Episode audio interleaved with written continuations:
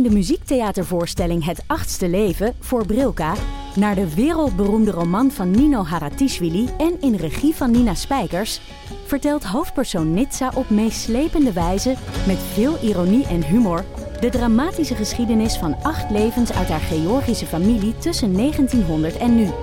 Een hartverscheurend en tegelijk troostrijk drama verteld vanuit het perspectief van vrouwen uit verschillende generaties. Waarbij het publiek meegenomen wordt op een emotionele, visuele en muzikale reis door de 20ste eeuw. Koop je tickets voor het achtste leven via oostpol.nl. Schaamteloos Randstedelijk is dé podcast voor jonge mensen in de stad op zoek naar houvast. Iedere aflevering houden wij, Doortje Smithuizen en Perre van den Brink, de jonge steling spiegel voor. Hoe erg is de wooncrisis voor millennials? En kan je eigenlijk nog wel vlees eten? En is natuurwijn helemaal super of is het totaal overbodige luxe? Wij zijn jouw gids binnen de Randstedelijke bubbel. Luister nu naar onze podcast Schaamteloos Randstedelijk. Overal waar jij je podcast luistert. Schavuiten, snottebellen, kwamensen en nietsnutten. Welkom bij Damn Honey.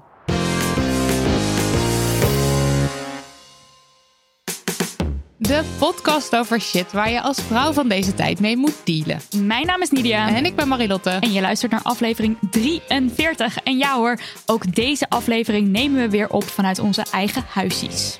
Yep, en aan onze digitale tafel is aangeschoven Carmen Felix. Ook wel op de Twits bekend als Carmen Felix van Hollandia.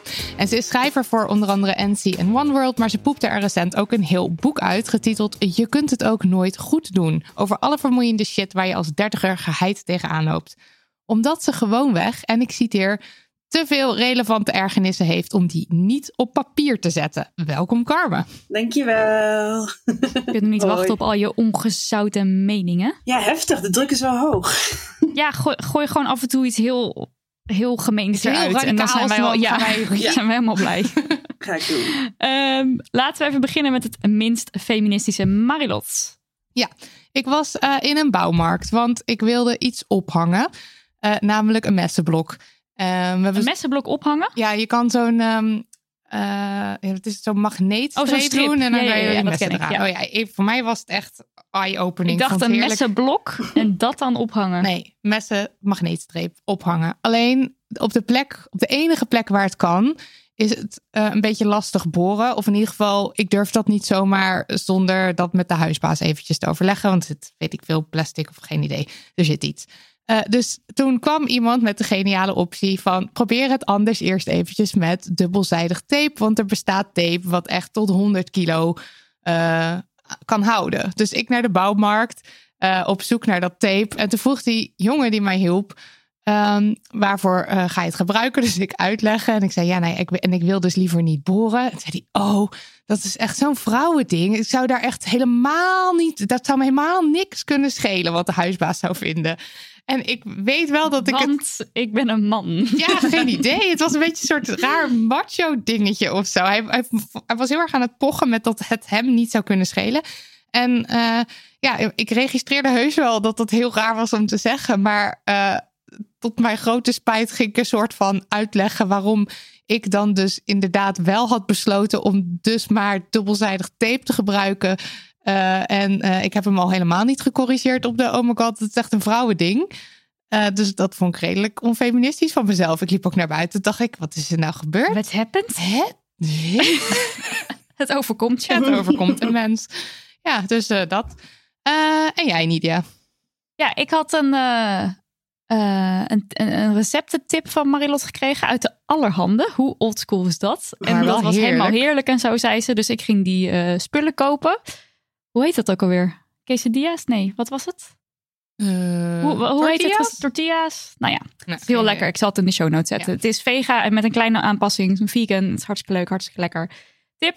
En ik zag al in het rijtje dat er een bepaald type barbecue saus voor nodig was. En nou weet ik dat eh, Remia een barbecue saus heeft voor real men Oh only. ja, en dat ja, vind ja. ik heel stom. Ik weet al heel lang dat deze saus bestaat. Want we krijgen daar regelmatig, eh, regelmatig mailtjes over en DM's van... Oh my god, wat shit, dit kan niet.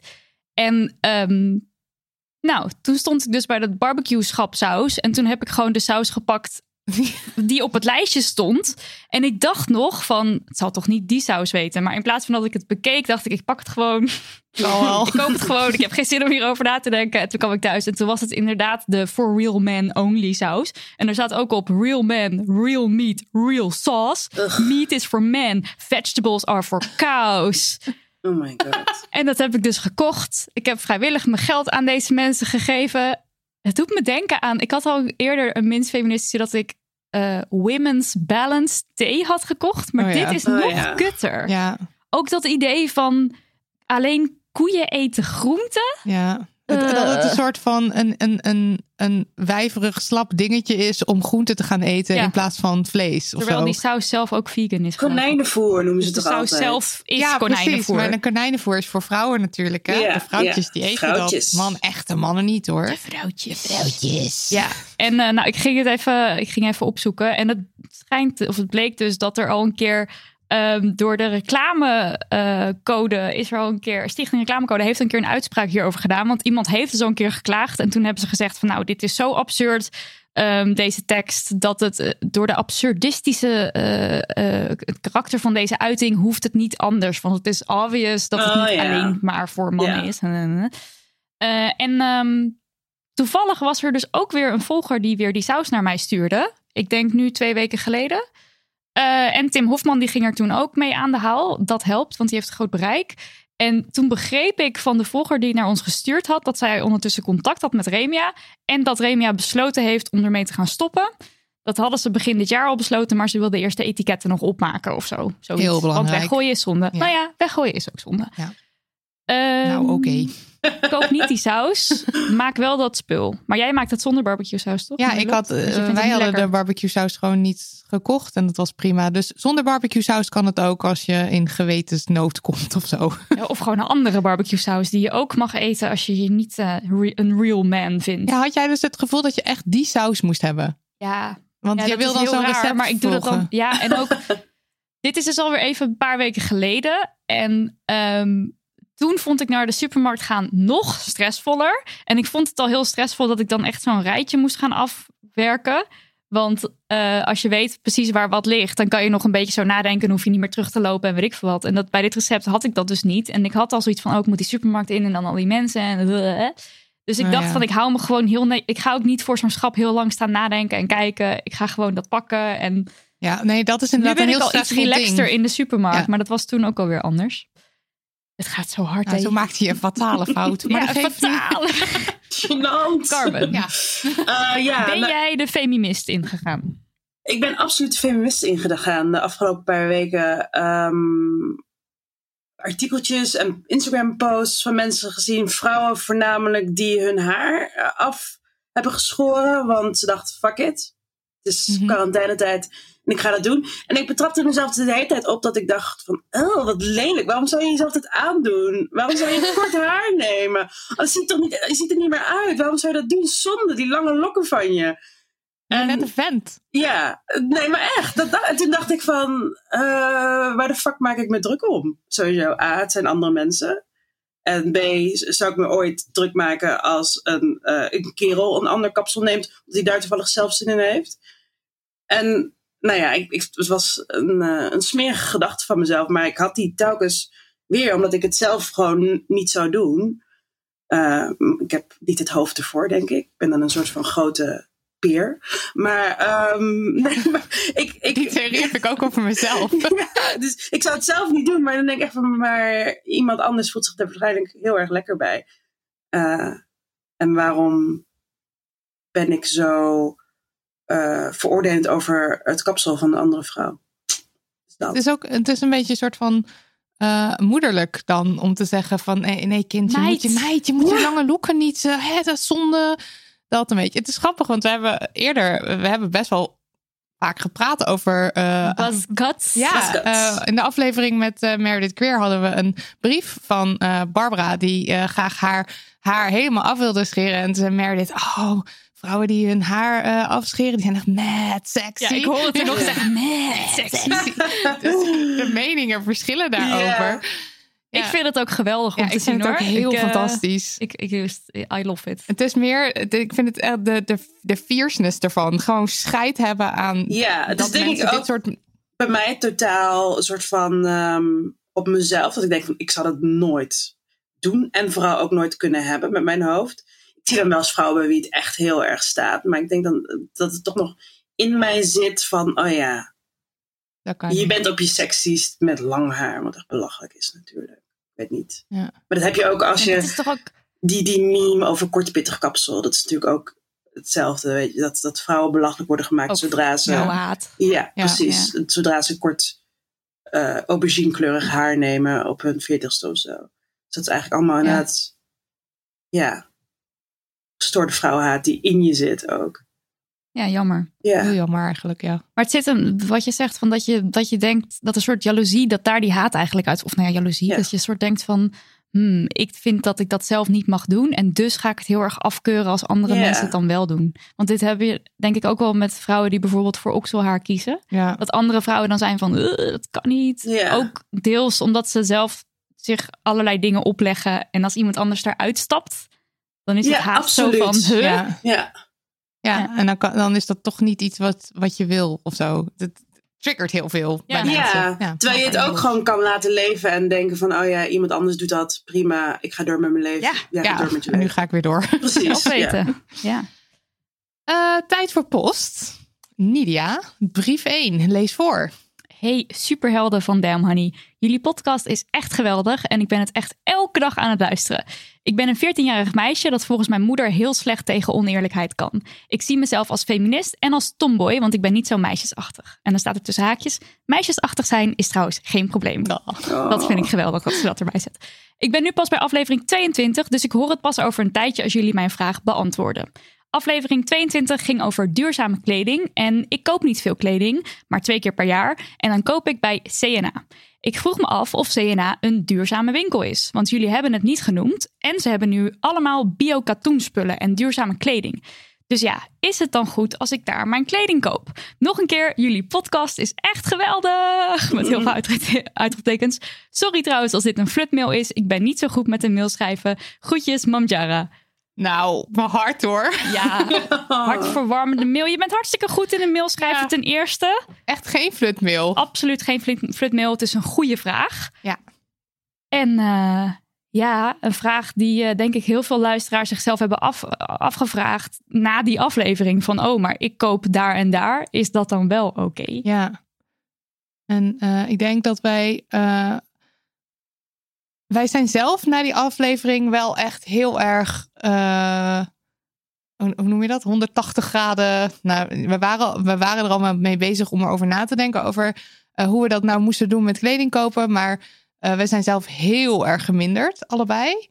Ehm, kopen voornamelijk tweedehand. Wil niet zeggen, want wat ik bijvoorbeeld heb, is dat ik meestal niet in tweedehands broeken pas. En ik moet bijvoorbeeld wel echt nieuw. Ik, de Monkey heeft kleding die ik pas. Ik moet daar bijvoorbeeld wel echt mijn broeken kopen, want kom ik niet aan, aan broeken. Dus ik ben er zelf dus wel voor dat op het moment. Het is goed als je erover nadenkt. Het is goed als je bezig bent met duurzaamheid. Eh, het is fantastisch als je veel tweede, tweedehands kleding koopt en ook minder kleding koopt. Maar als je kleding nodig hebt, dan heb je het nodig. En je moet niet jezelf van alles gaan oplet, eh, opleggen over wat niet en wel mag en wat niet en wel goed is. Want het is gewoon een, echt een tricky, heel tricky landschap eigenlijk. Helemaal mee Wat vind eens. jij? Nee, ja, eh, eh, sowieso als je inderdaad een grotere maat hebt. Ik heb ook heel veel tweedehands kleding gekocht en ik koop het nog steeds. Maar sommige items komen gewoon niet voor mijn brede heupen. Dus dan moet je gewoon naar een winkel. Ja. En dan, eh, sowieso is het, eh, als je een grotere maat hebt dan maat 40 of 42, dan is het soms gewoon wel lastig om eh, iets te vinden wat ook nog leuk is. Dus dan kom je bijvoorbeeld bij ASOS terecht. Een winkel die volgens mij echt verschrikkelijk is, sowieso voor zijn medewerkers en voor de wereld. Maar wel heel veel leuke dingen heeft en voor weinig geld. En ik probeer dan wel eh, zo ehm, verantwoord mogelijk erin te staan. Maar ook zo'n meisje van 14 dat dan een brief stuurt en denk ik van ja, jouw budget is waarschijnlijk helemaal niet eh, Precies, toereikend. Dus eh, Ja, want je gaat twee niet- keer per jaar. Precies, dat is al heel heel netjes, vind ik, twee keer per jaar. En eh, je, je hoeft jezelf niet uh, helemaal te restricten hierin, denk ik. Gewoon nee. het feit dat je hier alleen al over nadenkt, vind ik echt wel heel knap. Is fantastisch. Op je veertiende, ja. hallo. Echt ja, heel maar knap. ik zat ook nog te denken, op je veertiende, dan groei je toch ook nog. Dus op het moment dat je dan heel, nou, heel erg na gaat denken over duurzame kleding, dan denk ik, nou, dan kan ik het nog jaren dragen. Maar Dat het is niet ja, zo. daarop ben je er misschien weer Ja. uitgegroeid. Ja. Het is op je veertiende veel logischer om veel kleding te kopen. Ja. Ja. Ik denk, kijk, toen ik die aflevering, toen wij die aflevering maakten, eh, toen was ik, eh, hoe oud was ik? Ik was toen 30, denk ik. Ik had een kledingkast vol met heel veel kleding die ik allemaal paste. Die eigenlijk allemaal nog mooi en goed was en leuk was. Ja, Op zo'n moment zou ik toch wel echt heel veel mensen aan willen raden van, yo, het is niet nodig, koop het niet. Maar eh, zoals jij, Marilot, dat jij zegt van ja, ik heb gewoon een broek nodig. Ik heb hem nodig en ik kan hem niet bij een tweedehands winkel kopen. Er Ja. zijn nauwelijks duurzame merken. Of eh, misschien is er een duurzaam merk, maar het is heel erg duur. Ja. Dat moet je ook maar gewoon kunnen hebben, dat geld. Als je dat niet Mhm. hebt, ja, dan ben je inderdaad overgeleefd aan de monkey. Ik denk dat ons pleidooi veel meer gaat voor eh, geld voor mensen die eigenlijk gedachteloos heel veel kleding kopen. ja. Ehm, en, en eigenlijk ook Amy's pleidooi, dus degene, de gast die we toen eh, hadden in de aflevering. Zij had geloof ik zelf ook al heel lang niks gekocht. Weet je wel, als het gewoon niet nodig is, koop dan niks. ja. En dat je het een beetje een uitdaging voor jezelf maakt ook om niks Ja. te kopen. En Ja. dat eh, voelt ook wel heel goed. En dan is een nieuw ding heel leuk. Ja. Als je het een keertje hebt. Als je het jezelf een keertje gunt. Maar twee keer in de week of twee keer in het Ja. jaar eh, iets kopen. Dat is toch, dat lijkt me prima. Ja, oh, helemaal ook inderdaad op die leeftijd. Eh, het, is wel, ehm, eh, het is wel dus zo vaak dat eh, CNA of H&M of ook duurdere merken, dat dat vaak gewoon niet, niet echt goed zit. Nee. Dat wil ik er wel erbij zeggen. Ook voor andere mensen die luisteren van oké, dus duurzame kleding is dan wel goed. Kijk, het devies is eigenlijk, koop dus niks als je het niet nodig hebt. Ja. Of koop minder. Koop, Ja. koop bewust, koop minder. Eh, en als het even kan, koop duur, zo duurzaam mogelijk. Ja, of binnen, jou, binnen, de, de, Ja. binnen de, de omstandigheden waar jij in zit. Ja, maar over het algemeen. En, want Dus het was van, nu... voor Mam Jara zou ik gewoon zeggen, meid, Go for it. koop gewoon lekker die Ja. spulletjes Ja. en, eh, en draag het gewoon lekker. Maar Ja. nou ja. Ja. Want we kregen namelijk nog een mail die hier een beetje bij aansluit. Dus vandaar dat ik toch ook nog even wilde zeggen van het is niet per se goed voor de wereld, ook al staat er duurzaam op. Eh, de volgende brief. Of wacht, Marilotte moet hem Zal ik hem lezen. voorlezen? Ja. Ehm, even kijken. Hoi lieverds. Ik moest even iets kwijt en hoop dat jullie me kunnen helpen. Ik schrijf deze mail nu midden in de nacht, omdat ik de hele avond op Instagram heb liggen swipen en elke reclame die ik maar tegenkwam uitgebreid heb bekeken.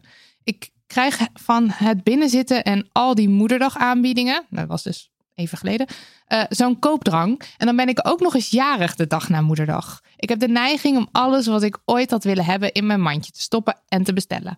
Aan de ene kant denk ik, ik mag mezelf best een keer verwennen. Zeker als er zoveel lekkere sale is. Maar aan de andere kant wil ik ook niet toegeven aan die koopdrang. Zoveel geld heb ik nou ook weer niet. En meedoen aan de kapitalistische feestdagen kortingsacties. Daarnaast ben ik me steeds bewuster van wat ik gebruik en probeer ik meer vegan, natuurlijk, dierproefvrij en plasticvrij te kopen. En heb ik heel veel zin om alle producten van goede kleine bedrijven uit te proberen. Maar nog beter is natuurlijk om minder te kopen en al helemaal dingen die je niet echt nodig hebt te laten liggen. Dit is dus zo'n beetje de struggle waar ik de laatste tijd mee zit. Ik geniet ontzettend van jullie podcast. Ik hoop dat jullie de tijd hebben om mijn bericht te bespreken en ben benieuwd wat jullie kijk op mijn probleem is. Groetjes, Eva. Ja, en wat, wat ik dus heel anders aan deze brief vind, is dat het echt kopen om het kopen is. Niet omdat je iets nodig hebt, maar meer uit een soort ja, craving. Waarschijnlijk een soort dat je een dopamine shotje krijgt of zo. Dus dat je een gelukstofje aanmaakt op het moment dat je weer iets bestelt of dat je iets koopt. En dit is echt super herkenbaar voor mij. Ik heb dit ook echt heel lang gedaan. En toen heb ik met mezelf afgesproken om een maand lang niks te kopen. Helemaal niks. Dus niet alleen geen kleding, maar ook niet een kaars of een plantenpot. of een. Ik kan altijd wel iets bedenken om te kopen. Zodat ik, ik woonde vlakbij een HEMA. Nou, dan ga je daar even naar binnen en je kan altijd wel een, een frutje of een dingetje kopen. Fritje. Ja. En het is gewoon zo niet nodig. En dan staat er inderdaad van: ik pro- probeer wel vegan, natuurlijk dierproefvrij, plasticvrij te kopen. Maar uiteindelijk is het wel consumeren. Ja. En daarvan zou ik dus echt zeggen: probeer het niet te doen. Dus stel je gaat bijvoorbeeld nu allemaal to-go cups kopen, want je wil duurzaam zijn. En die ga je dan vervolgens een maand lang gebruiken en weggooien. Dan is dat veel kwalijker dan als je al die tijd een papieren cup had gekregen bij de koffiewinkel en Ja. hem had weggegooid. En ja, het, soms lijkt het heel duurzaam of goed, maar wees je ervan bewust, het is geproduceerd. Je moet er lang mee doen om het ook echt duurzaam te maken. Ja. En als je heel veel koopt, dan zul je er waarschijnlijk niet lang mee doen. Nee, want je hebt heel veel. Ja, dus zeg Ja. maar als jij vijf to-go cups hebt vanuit duurzaamheid, dus niet omdat je het Ja, alleen maar heel leuk vindt, dan moet je dus de rest van je leven met die vijf cups. Volgens ja, mij moet je de rest van je drie levens met die cups doen. ik weet Wil niet je dat, precies, eh, maar goed, het lijkt me in ieder geval niet. Het is uiteindelijk niet de, niet de duurzame optie, ook al staat er misschien op dat het duurzaam is. Ja, en ze heeft het ook over dat eh, support your local eh, corona. Van je wil, wilde alle producten gaan proberen van, Ja. van, en, en, van, van hoe noem je dat, eh, ondernemers. En ik vind dat ook super sympathiek. Maar het moet natuurlijk niet een soort excuus worden om maar te kopen, kopen, kopen. En ik heb wel, omdat ik dus de afgelopen maanden een huis in te richten had, heb ik dus heel veel, heb ik veel besteld. En ik vind echt, maar ik, ik bedoel, dat dopamine shotje wat Ja. je krijgt, ook als de bel gaat en dan komen er weer dozen. Pilletjes. Nou, ik ga daar ook lekker op hoor. Ja, ik ook. Dus eh, ik, me- ik, ik moet me nu ook weer echt een beetje terug reelen. We hebben het huis is ingericht. Het is klaar nu. Maar ja, ik snap de verleiding heel goed. Maar het is echt beter om. Het helpt wel echt vaak om het gewoon weg te klikken. Want de volgende dag denk ik er dan niet meer aan. Maar het is ook wel interessant voor jezelf om te denken van wat probeer ik op dit moment eigenlijk te ontvluchten of wat precies waarom heb ik dit shotje op deze manier zo nodig? Ja, Want vaak komt het voort uit iets, weet je wel, je zoekt ja, je zoekt toch een soort van eh, opvulling of zo of ja. Tenminste, bij mij was dat. Ik ging dus op vrijdagen heel vaak kleding kopen. Ik was dan op elke woensdag vrij van mijn kantoor. En dan had ik een collega die zei: Oh ja, elke keer als jij een vrije dag hebt gehad, dan heb je de volgende dag iets nieuws aan. dat, dat was wel eventjes een. eh, ja, dat, dat zette wel even wat in beweging. Ehm, ja, dus je kan eens bij jezelf vragen: van als ik zo de hele nacht lang liggen, wat wil je opvullen? Waar, ben Maar- je- wat, wat precies, waar zit het dan eigenlijk in? Maar is het, heeft het niet misschien iets te maken met... oké, we zitten nu zoveel thuis. Ik ga dan Ja. zorgen dat mijn huis dus maar gewoon helemaal vol spullen staat... die ik... ja, en misschien omdat je normaal heel veel haalt uit sociaal contact, dat je dan iets anders probeert Ja, te vinden of zo. Er zal zoiets zal er waarschijnlijk onder zitten. ja. Bij mij is het ook echt dat- verveling hoor. Dat ik, eh, Ja, dat ik soms ja. uit verveling van die apps, webshop apps ga openen en kijken wat er nieuw is qua kleding. Dat ik denk van ja, god, waarom zou je? En wat mij ook heeft geholpen de laatste tijd is dat ik ah, allerlei nieuwsbrieven heb ge- geonabonneerd. Dus dat, dat ik die niet meer krijg met kortingscodes en zo. Oh, dat is een tip, ja. En ook apps verwijderen gewoon. Als jij vaak op een Zalando of een Asos of een H&M app zit, gewoon allemaal van je telefoon afgooien. Dan kun je ook niet uit verveling zeg maar gaan, gaan klikken en switchen tussen die dingen. En, ja. en, en ik laat heel vaak dan eh, minstens eh, twee dagen mijn eh, favorieten staan wat ik zou willen hebben. En vaak vergeet ik het en dan koop ik het gewoon niet. Dat Ja. werkt ook wel. Maar ja. En, eh, maar heb je verder nog gedachten hier? oh, Want jouw boek heet natuurlijk Je kunt het ook nooit goed doen. Heb, kijk, want ik zit nu heel erg een duurzaamheidspleidooi eh, af te houden. Hoe zeg je dat? Af te draaien. Af te draaien, ja. Heb jij daar een ander idee over? Zo van, Nou ja, ja, ik bedoel, je als je- vraagt nu wel heel veel van jezelf of zo, weet ik. Ja, nee, ik bedoel, als jij gewoon, weet je wat je ook kan doen? Ik bedoel, helemaal nooit meer winkelen. Dat is gewoon iets waar heel veel mensen ongelukkig van worden, denk ik. Omdat het, het heeft iets verzachtends, iets therapeutisch. En als jij het binnen je, volgens mij zei de brievenschrijfster ook van, ja, ik heb niet zo heel veel geld. Dus ik kan überhaupt niet zoveel shoppen als ik zou willen. Misschien moet je juist een soort van mini-potje voor jezelf maken waarmee je het zelf wel eh, toelaat om af en toe daar iets mee te kopen. Maar dan ik zou er wel iets strikter mee zijn, zodat het niet meteen weer met creditcard trekken wordt of zo. Ja. Maar weet je, dat je zegt van oké, per kwartaal eh, heb ik hier eh, 100 euro. Kan ik toevallig missen? Mag ik iets leuks voor mezelf kopen? Ja, Why Dus ook not? weer niet te streng zijn voor jezelf. Nee, ik denk dat je daar ook wel een beetje ongelukkig van wordt. En heel vaak is het als je heel streng bent in iets, dan ga je soms gewoon in één keer helemaal los. En dan is het hek echt van de Ja, dam. Ja. klopt. Dan, Ja. word je er, kan je er zelfs een beetje obsessief over worden. En Dan Precies. ga je, en dan heb je Dan denk je, Ik dus heb wel- het nodig. Want, want ik herken dit wel bijvoorbeeld als je een dieet doet of zo. Maar bij dat kopen heeft het mij echt gereset. Omdat je gewoon... Het zat niet meer in mijn systeem om Ja. naar, de, naar de Kalverstraat te fietsen. Of, dus Maar dat het- komt het omdat jij. wel heel ja, goed bij dat mij. komt omdat jij jezelf toen, te- toen hebt gezegd: ik ga Gewoon nu niks, niks meer kopen. kopen. Ja, en dat is ook grappig, want voor mij geldt, voor mij werkt dit dan. Hè? Dus als je dan denkt van, oh ja, ik heb nu het een maand volgehouden, ja, ga het dan maar eens opgeven. Ja. Net zoals eh, geen vlees eten. ehm, ik at heel af en toe nog wel vlees. En toen begin dit jaar dacht ik van, nou, ga gewoon nu geen vlees eten. Ja, dan ga ik nu niet halverwege mei, of wat, eh, wat zijn we? Weet iemand nog welk, welk jaar we leven? Mei. Mei. Mei. Het is mei. Dan ga ik niet opeens dat opgeven omdat iemand, ehm, eh, weet ik veel. Ja, nee, je komt nu natuurlijk ook niet meer op etentjes. Maar goed, stel iemand zou nu een pannetje kippensoep brengen. Dan is dat toch alweer anders om dan die streak op te gaan geven. Ik ga Ja. jou een pannetje kippensoep brengen. Ja, als iemand het al gemaakt heeft, weet ik ook niet of ik het weg zou gooien. Maar oké, anyway. Ja, ik snap het. Het, ja, dus er eventjes uit die eh, malle mode. Malle molen. Malle molen. Molen.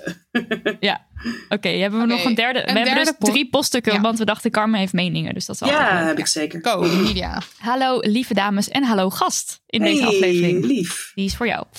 Dank voor jullie gezellige en vermakelijke podcast, waar ik ook nog dingen van opsteek. Hopelijk gaan jullie nog lang door. En dan staat het tussen haakjes, doneer mensen. Dat, dat zorgt er dus voor dat we je brief voor gaan lezen als dit soort spam erin Heel zit. goed. Nee, lief van je. Eh, en dan nu mijn vraag. Ik ben gemeenteraadslid in een gemeente waar Piet nog altijd zwart is. Afgelopen jaar heb ik binnen mijn fractie die vraag opgeworpen, de vraag opgeworpen of we dit ter discussie wilden stellen in de gemeenteraad. We zijn over het algemeen een progressieve fractie en onderdeel van een progressieve partij. Tot mijn verbazing reageerde een fractiegenoot als volgt op mijn idee. De organisatie van de Sinterklaasoptocht zegt dat er in onze gemeente geen behoefte is aan verandering. Daarmee was de kous toen af.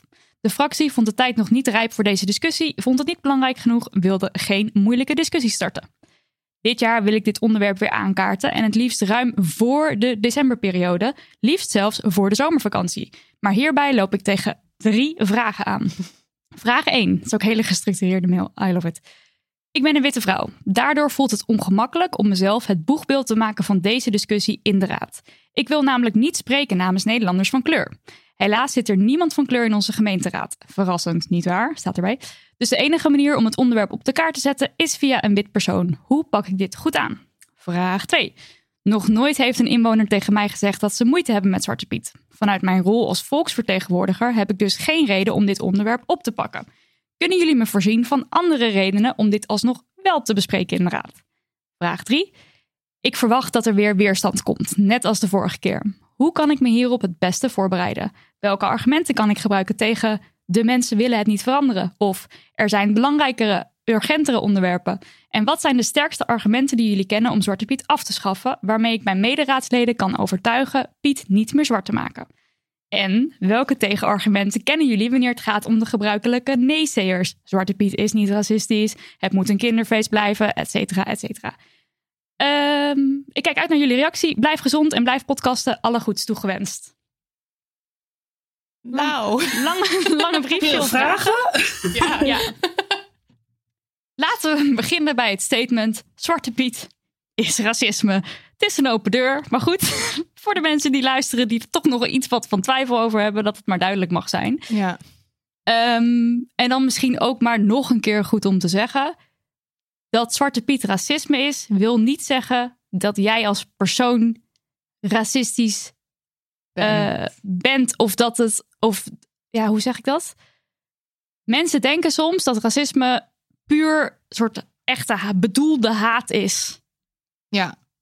En dan is het niet. En dan denken ze van Zwarte Piet kan niet racisme zijn, want ik doe dit niet vanuit haat. Ja. Dat, dat is een soort van redenatie die er dan Ja, het is een beetje alsof je, als je zegt Zwarte Piet is racisme, dat je mensen beschuldigt van een slecht mens zijn. Ja, precies, Omdat, ja. ze het dan, omdat zij eh, wel Sinterklaas vieren of hebben gevierd met Zwarte Piet. Ja.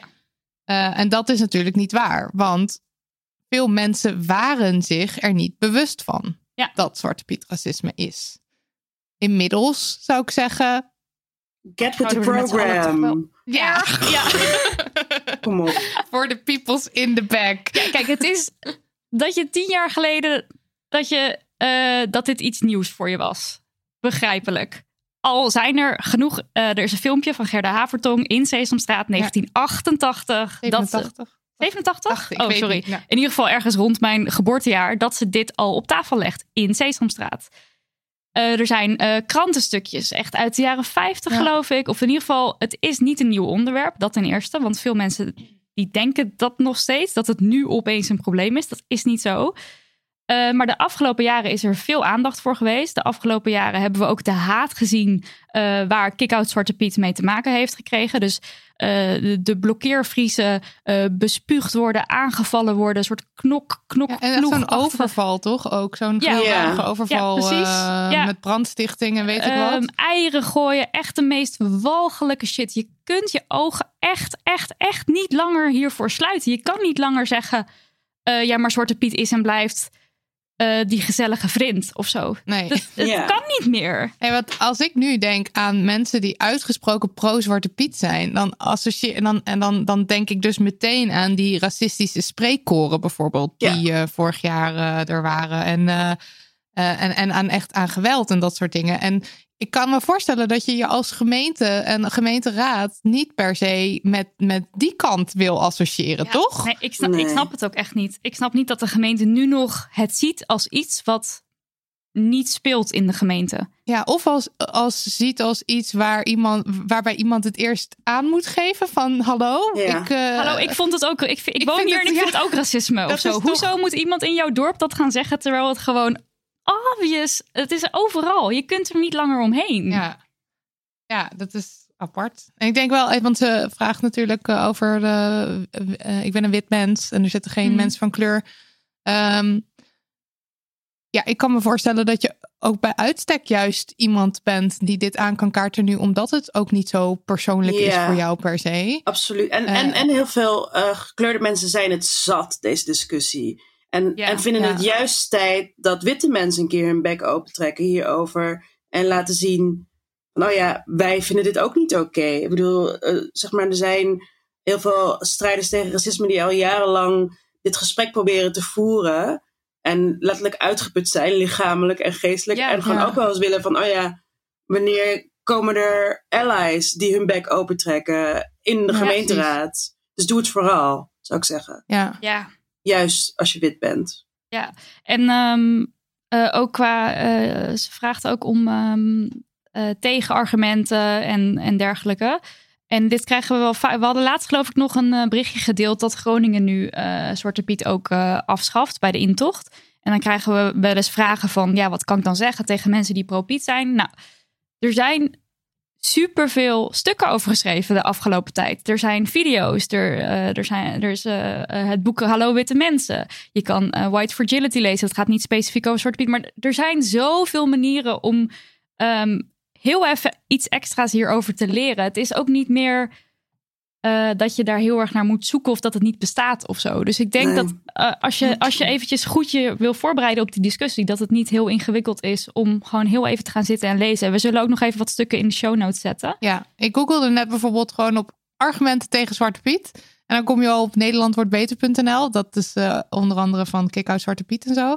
En daar hebben ze een heel pdfje met gewoon per argument, zeg maar. Ja. Van uh, wat, wat is het? Uh, maar het is een kinderfeest. En dan gewoon helemaal zo ontleed waarom dan niet. En ja. dus het ja. is echt ding voor ding. Ja, en dus... je hebt ook die video uit 2013, ook van Nederland wordt beter, van Jerry Afrije. Dat is de voorman van Kick Out Zwarte Piet. En dat is een boodschap aan alle pro-pieten. En dan hoopt hij ook met dat filmpje nogmaals duidelijk te maken dat ze voor de viering zijn. Of dat we voor de viering zijn, want 100% achter hem.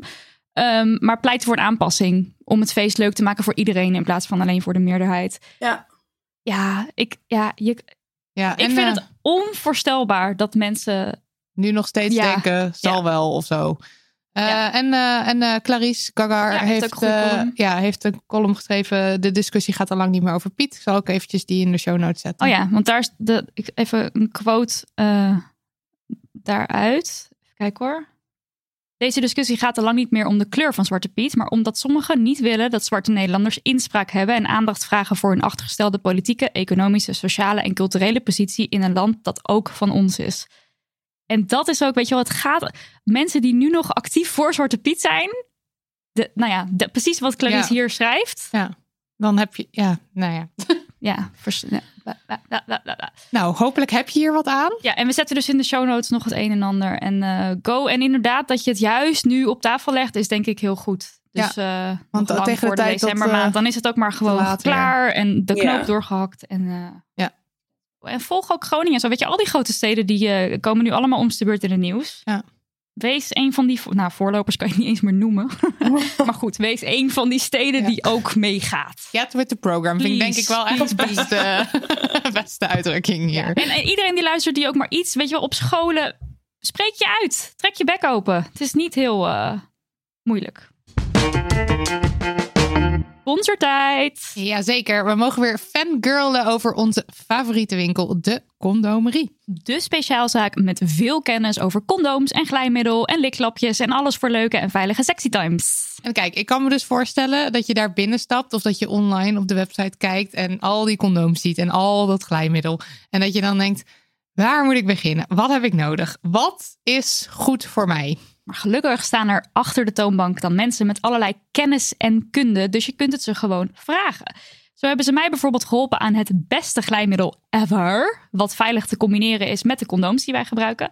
Het heet Wet Stuff Touch en het is overigens ook een absolute aanrader voor al je masturbeerpartijen. Ja, ik kan dat alleen maar beamen. Ik heb de wet stuff tip via Nidia ook enorm te harte genomen. En al mijn massages zijn, eh, zijn echt een stuk leuker Massages. geworden. Massagesessies zijn een stuk leuker geworden. En lekkerder met dat speel. Eh, en ik kreeg laatst van iemand, het, was dat ook voor jou Nidia? Dat advies om die, ja, hè? dat was ook ja, altijd van. Als ik zeg, ik heb advies gekregen van iemand, is het van Nidia. Eh, om ehm, voor mijn cup dus glijmiddel te gebruiken. Want soms dan wil dat ding gewoon niet. Voor de menstruatie, menstruatie. Menstruatiecup, ja. En ehm, eh, ik wist niet dat je dat, eh, dat je je cup, je siliconen cup, niet mag combineren met een eh, glijmiddel op basis van siliconen, want dat tast de cup aan. Dus je moet een glijmiddel gebruiken op waterbasis. En eh, ik was bij de condomerie en daar werd dat me gelukkig verteld. Dus ik werd voor die fout behoed.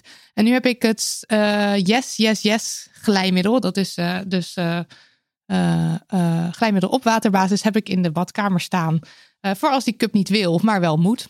Ja, en als je online aan het koekeloeren slaat op condomerie.com, dan kun je via de chat eh, allerlei vragen stellen. En dat kan dan van 11 tot 6. Dus als je niet naar de winkel kan of wil of whatever, dan kan je gewoon online je vragen stellen. Stel vooral een hele moeilijke vraag, want daar gaan ze lekker op. Kunnen ze research doen en zo. De fysieke winkel zit in Amsterdam op Warmoestraat 141. En de webshop vind je op condomerie.com. Mocht je het wat spannend vinden om condooms of glijmiddel online te bestellen, fear not, alles wordt discreet verzonden. Condomerie.com dus. Condomerie.com. Lekker glijden! Thank us later.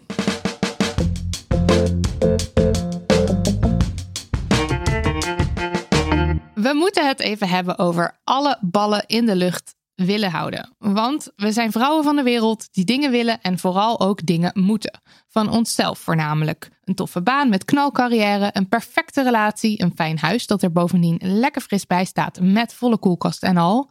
Een fantastisch seksleven, een figuur dat voldoet aan het ideaalbeeld, outfits volgens de laatste mode, vrienden in overvloed en een bijbehorende volle sociale agenda. Want beter is ons leven leuk.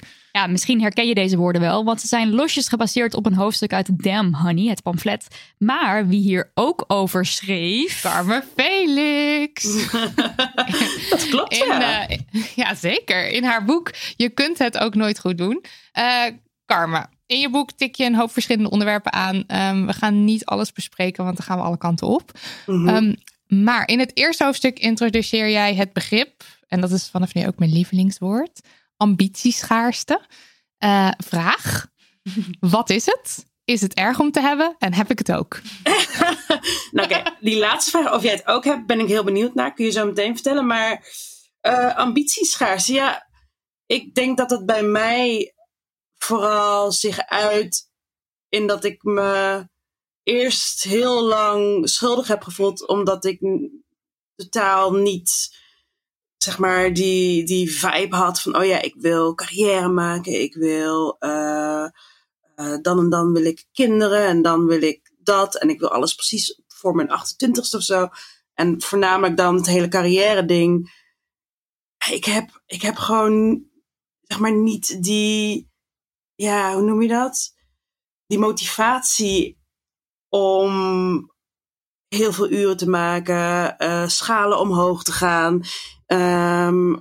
M- mijn, nou ja, ik wil niet zeggen mijn dromen najagen, want dat klinkt weer heel erg tre- treurig. Maar er is gewoon iets in mij waardoor ik het gewoon prima vind om twee, misschien drie dagen per week te werken. Genoeg geld te verdienen om rond te komen.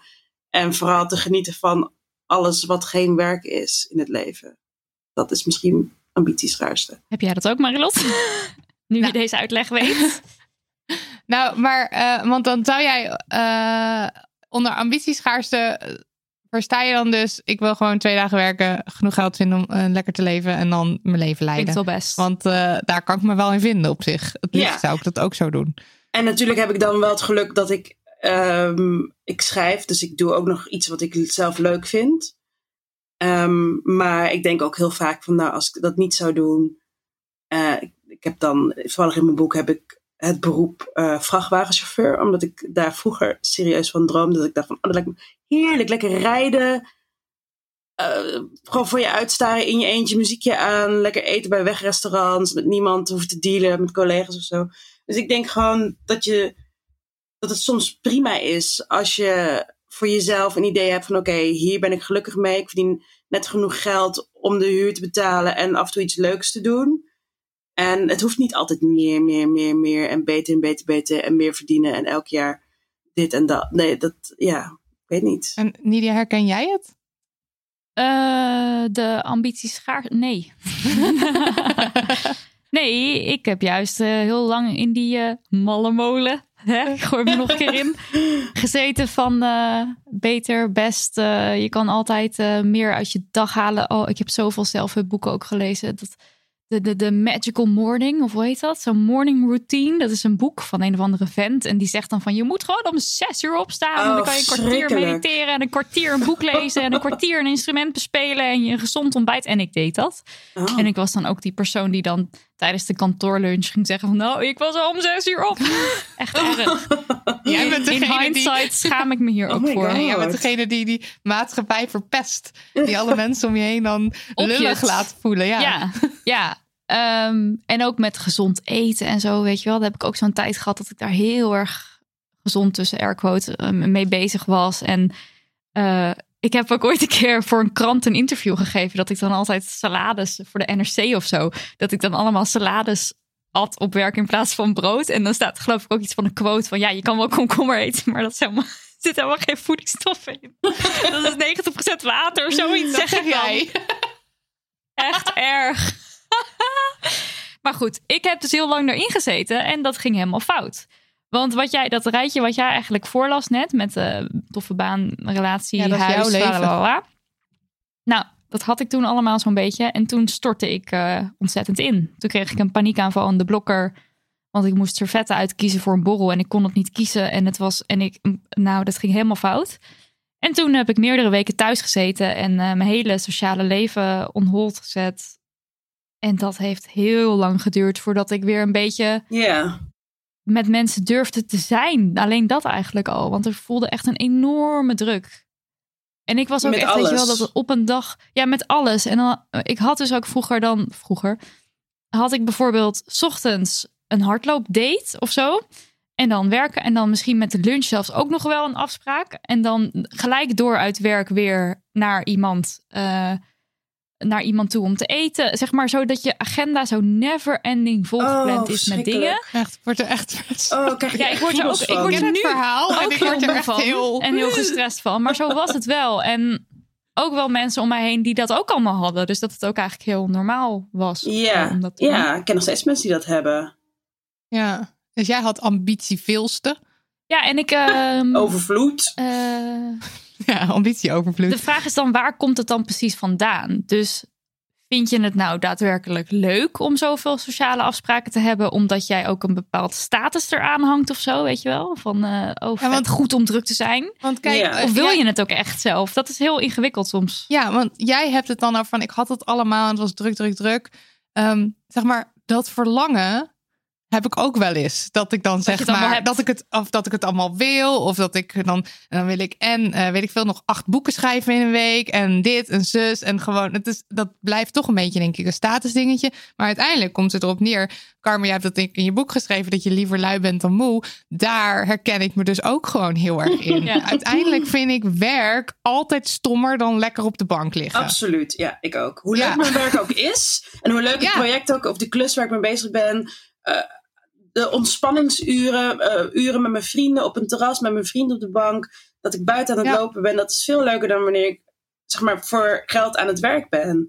En ik denk Ja. het hele punt van dat hoofdstuk over ambitieschaarste bij mij was dat ik de afgelopen paar jaar heb geleerd dat mijn comfort in het leven in het algemeen op één komt nu. En andere dingen daarna pas. En met comfort bedoel ik gewoon van, oh ja, eh, bijvoorbeeld wat jij zegt over een volle agenda. Ik ben pas comfortabel als ik, ik van max twee sociale afspraken heb, minstens één dag om letterlijk helemaal niks te doen. En dat klinkt dan heel erg luxe en geprivilegeerd. En dat is het ook. Want iedereen kan zich dat veroorloven. Maar ik op dit moment wel eventjes. Misschien gaat het heel snel veranderen, je weet het niet. Maar zolang het kan, wil ik daar echt zoveel mogelijk rust uitzuigen. En dat in mijn lichaam stoppen, zodat ik dat vast kan houden of zo. En daar word ik heel erg gelukkig van, merk ik. En wanneer heb je, die, wanneer heb je dit besloten? Of heb je dit altijd al zo gedaan, zolang je eh, werkend leven leidt? Nee, nee, nee, nee. Ik heb ook fulltime gewerkt. Ik heb ook banen gehad waarbij ik dan 50, 45 uur aan het werk was. En eh, tot aan tweede, midden, medio 2018 was ik hoofdredacteur van de Gladiool. En daar werkte ik dan wel vier dagen op kantoor. Maar meestal zat ik met zeven dagen, op zeven dagen met dat, met dat werk in mijn hoofd gewoon. Omdat je dan toch altijd bezig bent met eh, werk wat je heel leuk vindt. En daarna dacht ik van, jezus, ik ben zo uptight en gestrest en ook wel lichtelijk ongelukkig geweest de afgelopen paar jaar hierdoor. Omdat, weet je, ik noem dan altijd als voorbeeld zo'n werk-WhatsApp-groep waar je dan s'avonds nog per ongeluk inkijkt om 11 uur. En ik kon dan echt daardoor niet slapen. En dat ik gewoon Ja. echt ongelukkig in bed lag na te denken over oplossingen. Toen ik dacht van, hè, shit, waarom valt iemand me nu lastig hiermee? Ik word hier, dit, Ja. zijn, dit zijn Ja. mijn vrije uren. Echt, ugh. Dus daarna dacht ik van, oké, ik ga dus blijkbaar freelancen. Dat heb ik besloten. Maar dan wil ik het helemaal 100% doen on my watch. Op, zeg maar, gericht op mijn comfort. En dan wel comfort als in ik kan nog leven qua geld. En ik voel nooit meer, zeg maar, die zwaarte van eh, naar een kantoor hoeven, eh, fulltime moeten werken, op zaterdagmiddag nog met werk bezig zijn, op vakantie lastig worden gevallen door collega's. Dat wil ik gewoon liefst nooit meer. Dus Dus, dus die verheerlijking, die verheerlijking van dat, van dat fulltime werken en altijd maar bezig zijn en druk, druk, druk en een vol leven. Jij zei Oh ja, op een och. keer dus van ik ben nu klaar. Maar hoe reageren, hoe reageren de mensen daar dan op?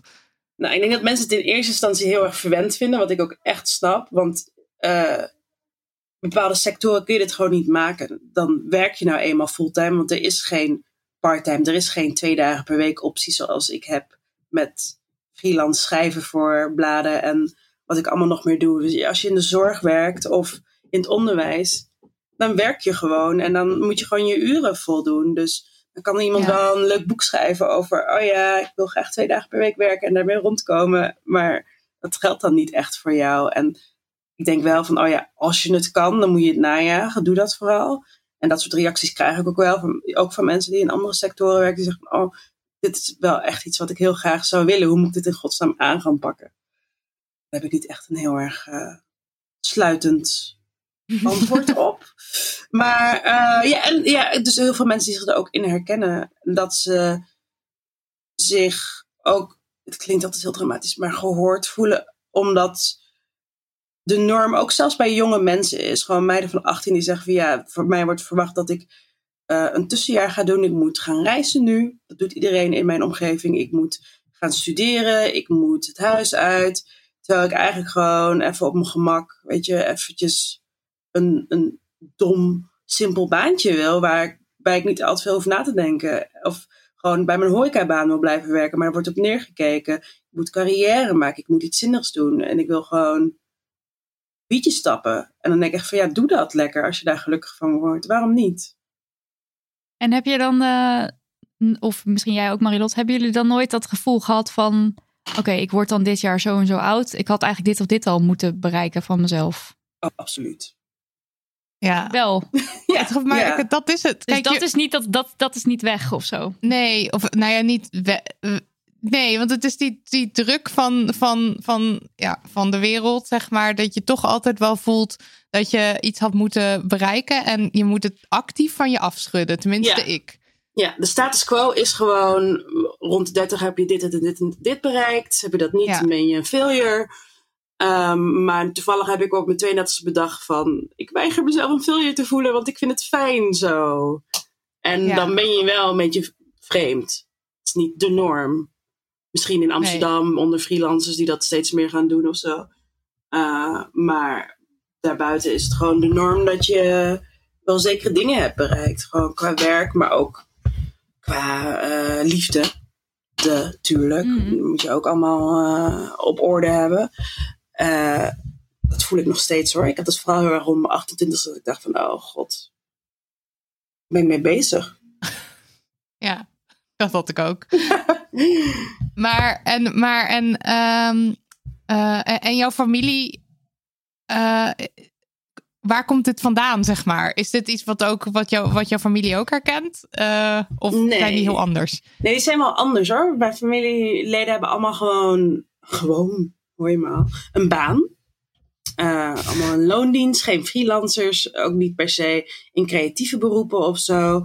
Mijn ouders waren wel altijd van die mensen die dan zeiden, telkens, wat, nou, maak eerst je studie maar af. Als ik, weet ik veel, als het over vriendjes ging of, of, of, of, of reizen of wilde plannen. En dan was het altijd, maak eerst je studie maar af. Terwijl ik nu denk van, nou ja, als ik later een, een dochter krijg of zo. Ja, ik vind een studie wel heel belangrijk. Maar ik vind, zeg maar, een soort van ontwikkeling en tevredenheid vinden voor jezelf, vind ik nog veel belangrijker. En ik vind het soms ook lichtelijk discriminerend dat de studie, vaak de HBO-studie of WO-studie, altijd als het belangrijkste ding in het leven van een jong persoon wordt gezien. En als je dat niet hebt gedaan, ben je ofwel een loser of te dom of eh, er zal iets ergs zijn gebeurd in je leven waardoor je eh, nooit zo ver bent gekomen of eh, je bent zielig. Ik denk van ja, weet je, werk en het hele pad naar werk toe is niet alles voor mij. En ik hoop dat steeds meer mensen ook beseffen dat het niet alles hoeft te zijn. En eh, stel je was mij een paar jaar geleden tegengekomen en je had aan mij gevraagd eh, hoe is het? En ik had gezegd druk, druk, druk. Wat had je in mijn gezicht willen schreeuwen?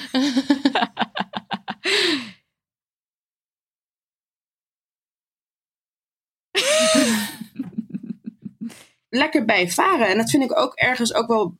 Ik benijd dat ergens ook wel. Mensen die echt heel lekker gaan op drukte en veel uren maken. Ik, ik, ik droom dan zelfs soms dat ik in een mantelpak op de Zuidas werk met een salaris van 6, 6k per maand. En eh, elke avond dineetjes en nooit vermoeidheid en nooit behoefte aan een eh, derde mental health dag per week die ik soms nodig heb. Maar eh, gewoon van die mensen die alleen maar gaan, gaan, gaan. Ja, weet je, als je dat lekker vindt, good for you. Alleen ik kwam erachter dat het, ik vind het niet leuk dat het de norm is. Ik vind dat het gewoon naast Ja. elkaar moet bestaan. Dat sommige mensen zijn daar gewoon niet voor gemaakt. En dat is ook Ja, en die verheerlijking ervan. Ja, want je hoort inderdaad mensen die een burn-out krijgen of weet ik veel, hard falen omdat ze te hard werken. Gewoon ongezond kan het soms zijn Ja. als je 50 uur per week maakt. En Nidia, heb jij die, ehm, die, die norm wel een beetje van je af kunnen schudden? Eh, zeg maar dat, dat wat, wat je eerst allemaal wilde en toen had je je moment. Dat heb ik wel, maar ik moet ook zeggen dat het ja, enigszins makkelijk praten is voor mij. Omdat ik dus de dingen die ik dan wilde, dat heb ik dus dat heb ik wel gedaan. Ja, Ja, Dus ja, ja. zeg maar, ehm, eh, kijk, ik heb een boek geschreven en nu met jou heb ik ook weer twee boeken geschreven. Dat vind ik super cool. En dat heb ik gedaan. En Ja. ik heb Daniel in mijn leven en daar ben ik super blij mee. En ik heb een huis waar ik heel. Dus Eigenlijk voldoe ook je ook wel weer- aan de standaard. ja, precies. Dus dan kan je wel zeggen van eh, nee, nu maak ik me daar niet meer druk om of zo. Ja, maar goed, eh, je hebt ook al die boxjes lekker lopen aftikken. Ja. Dus eh, en ehm, ja, waar, waarvoor eigenlijk? Ja, same. Ik heb precies hetzelfde hoor. Ja, want dat vroeg ik me nog af bij jou. Want je, kijk, dat het je lukt om twee dagen in de week. Ik heb wel een boek geschreven. ja, hoe- Precies, hoe je hebt wel een boek geschreven en je, het lukt je wel om in twee dagen genoeg geld te verdienen om rond te komen. En je schrijft ook voor titels als NC, dus en One World, gewoon grote, weet je wel. Dus de, misschien is er ambitieschaars, maar tegelijkertijd bereik je wel Ja, vette shit waar andere mensen alleen maar van kunnen dromen. precies. Dus dat is eigenlijk ook wel weer wat ik de hele tijd in mijn achterhoofd heb. Van nou ja, ik ben wel mijn eigen persoonlijke verhaal hierin aan het doen. Maar het is ook wel oneerlijk, want er zijn mensen die daar niet komen of het blijven proberen. Of inderdaad in die andere sector werken waarbij dit niet kan. En dan ben ik heel erg leuk aan het vertellen van ja, ja lekker twee dagen werken, joh, lekker rusten. Terwijl, ja, ik heb al een vriend, ik heb een boek geschreven, ik heb connecties nu bij Bladen waar ik altijd terecht kan voor een stukje als ik weer geld nodig heb of een leuk creatief idee heb of zo om te schrijven. Dus wat ben ik nou cool aan het doen? Uh, tuurlijk is het leuk als je opeens beseft van, oh ja, ik heb geen ambitie meer of ik heb het niet. Maar uh, ja, als je net al iets hebt bereikt in het leven, dan is het een andere nasmaak dan wanneer je echt from scratch begint, weet ik veel, op je 17 of zo. En dan, heb je dat gevoel opeens. Ja. Bij een hele andere ja, weg maar wat in, ik waarschijnlijk.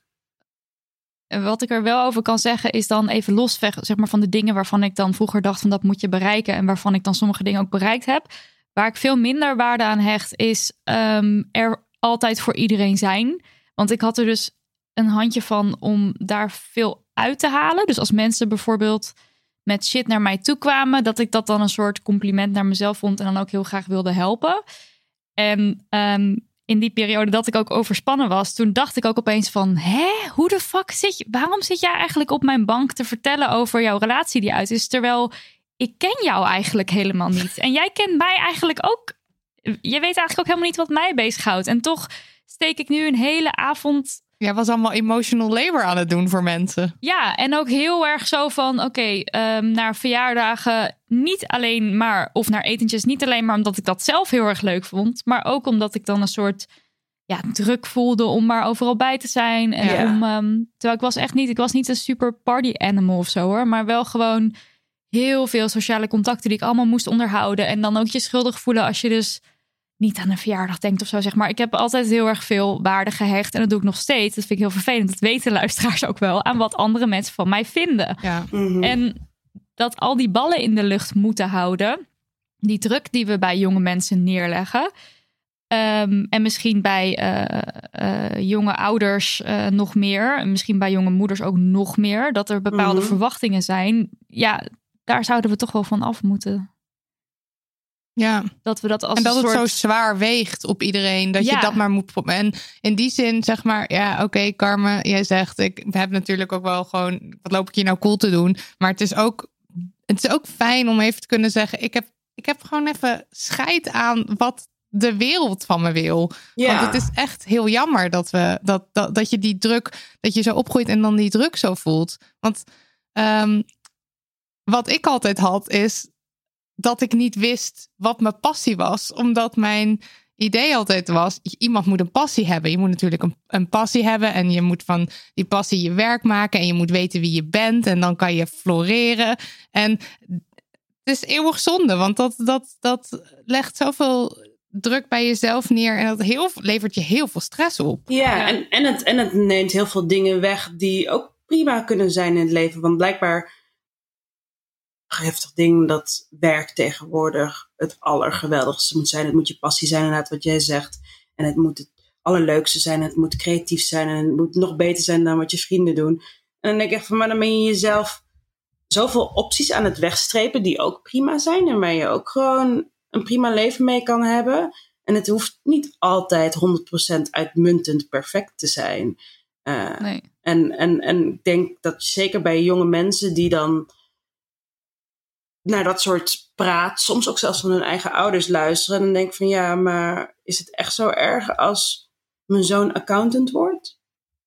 we maken we dan grappen over van, oh ja, saai beroep, lekker degelijk.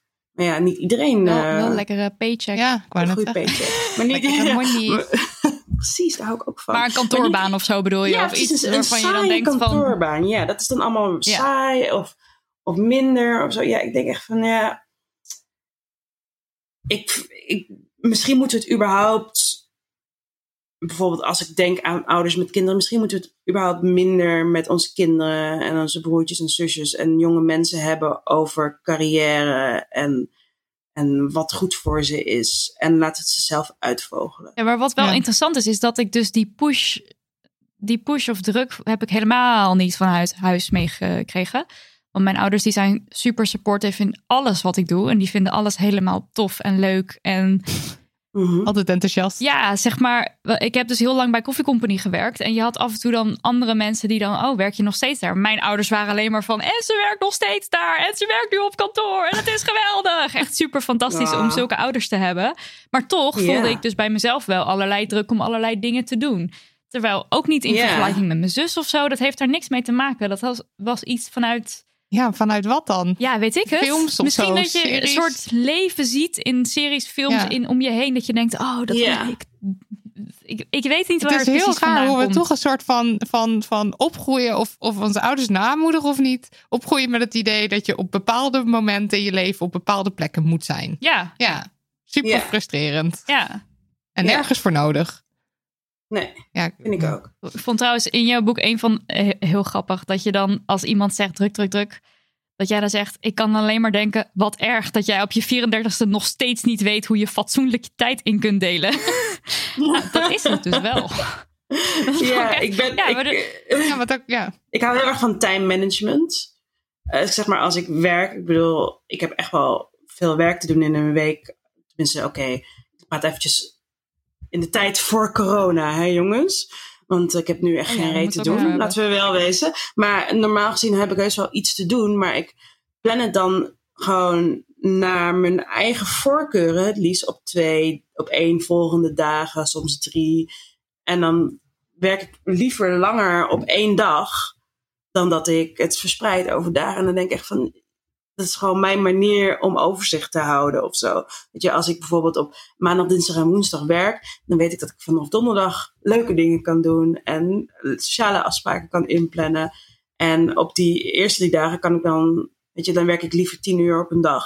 Dan dat ik er je nog een hele middag op vrijdag of zo achteraan plak. Dus het is, je moet echt voor jezelf een soort van maniertje vinden om overzicht te houden. Want anders is je agenda gewoon de baas over jezelf. En dat lijkt me zo'n ongemakkelijke situatie om in te zitten. Dat je de hele tijd achter de feiten aanloopt en achter, achter je afspraken. En dan van die mensen die een dubbele afspraak hebben gemaakt. Of opeens erachter komen dat ze nog allerlei shit moeten doen. En dan denk ik echt van ja, maar dat lijkt me vervelend. Toch? went wrong. Ik herken mezelf Ja. hier wel in. Maar dan ben ik wel benieuwd. Ja. Want eh, als jij eh, zoveel dagen vrij hebt op dagen waarop heel veel andere mensen werken. Want je zegt sociale dingen inplannen. Maar goed, veel Mm. van mijn vrienden die kunnen niet op zomaar een woensdag iets gaan doen. En bij jouw vrienden ook Nee. Zitten op niks te doen. kantoor. Nee, ik heb sowieso heel veel mensen die freelancer zijn, die altijd wel te porren zijn voor iets. Dat is wel fijn. maar ehm, eh, als ik denk aan dingen doen, is het ook dat ik heel graag, ik ben ook graag alleen. Niet per se met mensen. En ik vind het ook heel erg fijn om gewoon een hele dag.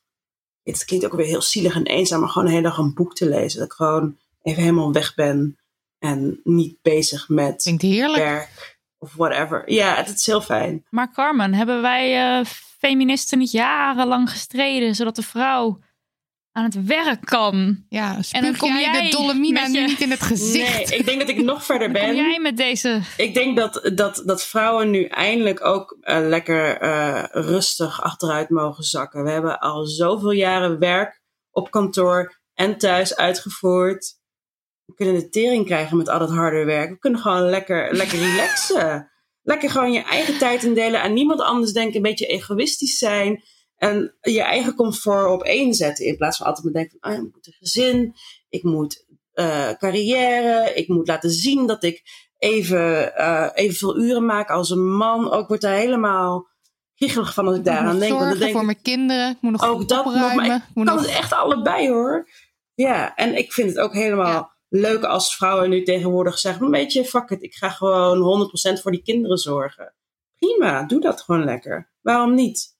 Ja. We hebben onszelf heel veel opgelegd onder het mom van gelijk zijn en dat is echt heel goed. En het zou leuk zijn als salarissen ook nog eens eventjes gelijk worden getrokken.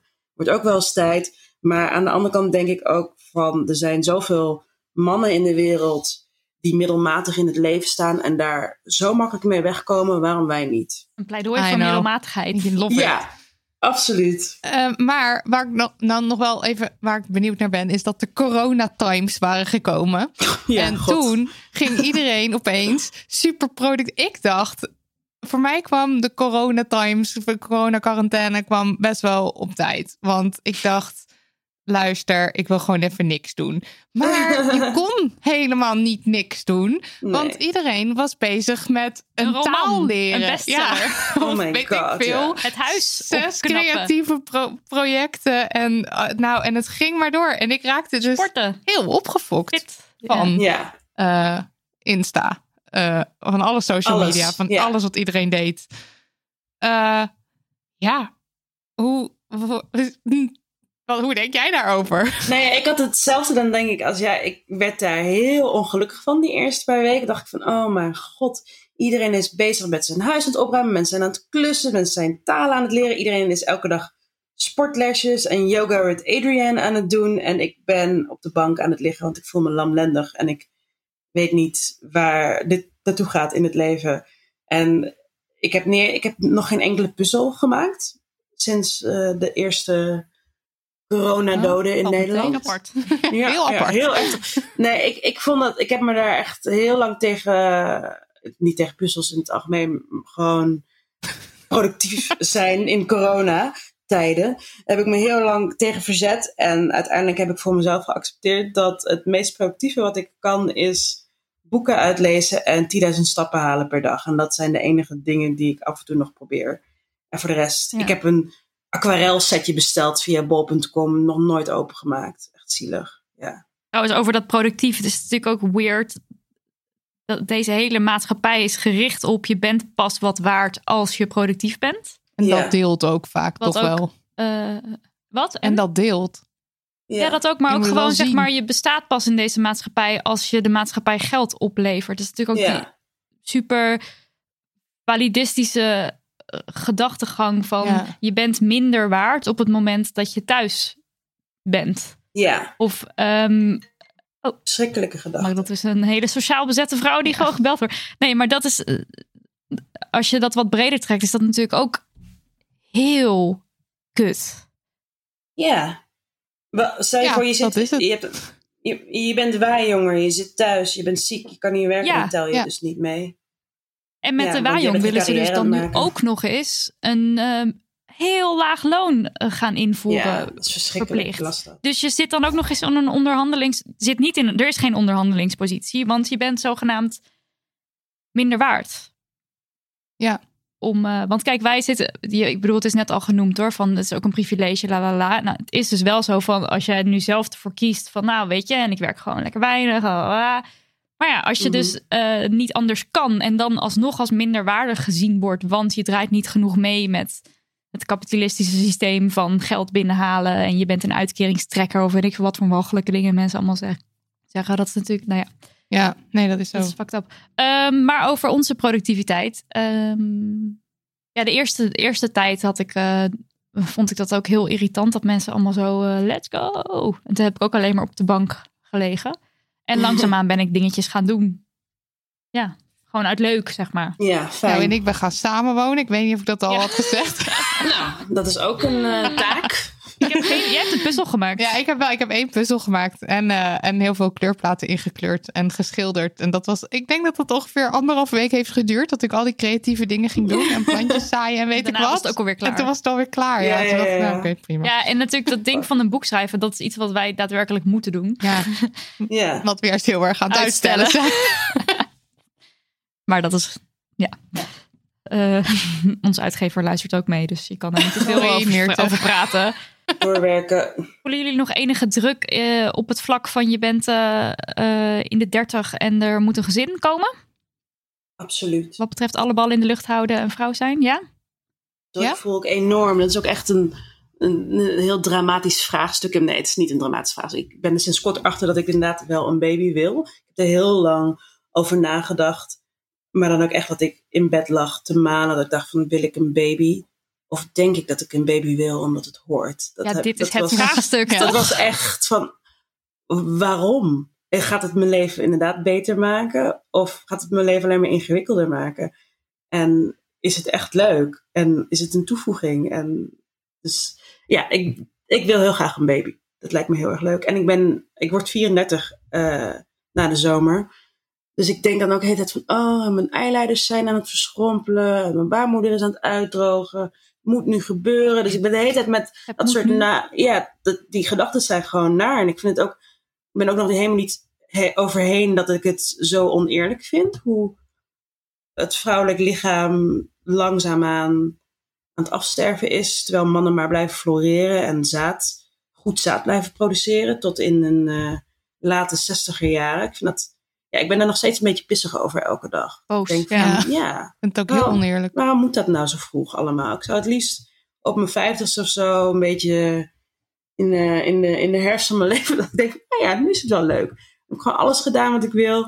Wel 50 is misschien een beetje oud, maar ja, 40 plus in Ja, het legt wel heel veel lijkt me druk bij mensen met een baarmoeder. Dat je inderdaad, Ja. dat als je een kind zou willen, dat je daar heel erg anders Ja. mee bezig moet zijn. Ja. Ja, ik vind ik vind het het echt, prima. eh, En, en het lijkt me heerlijk als je, als je gewoon 100% zeker weet van nee, ik hoef het niet.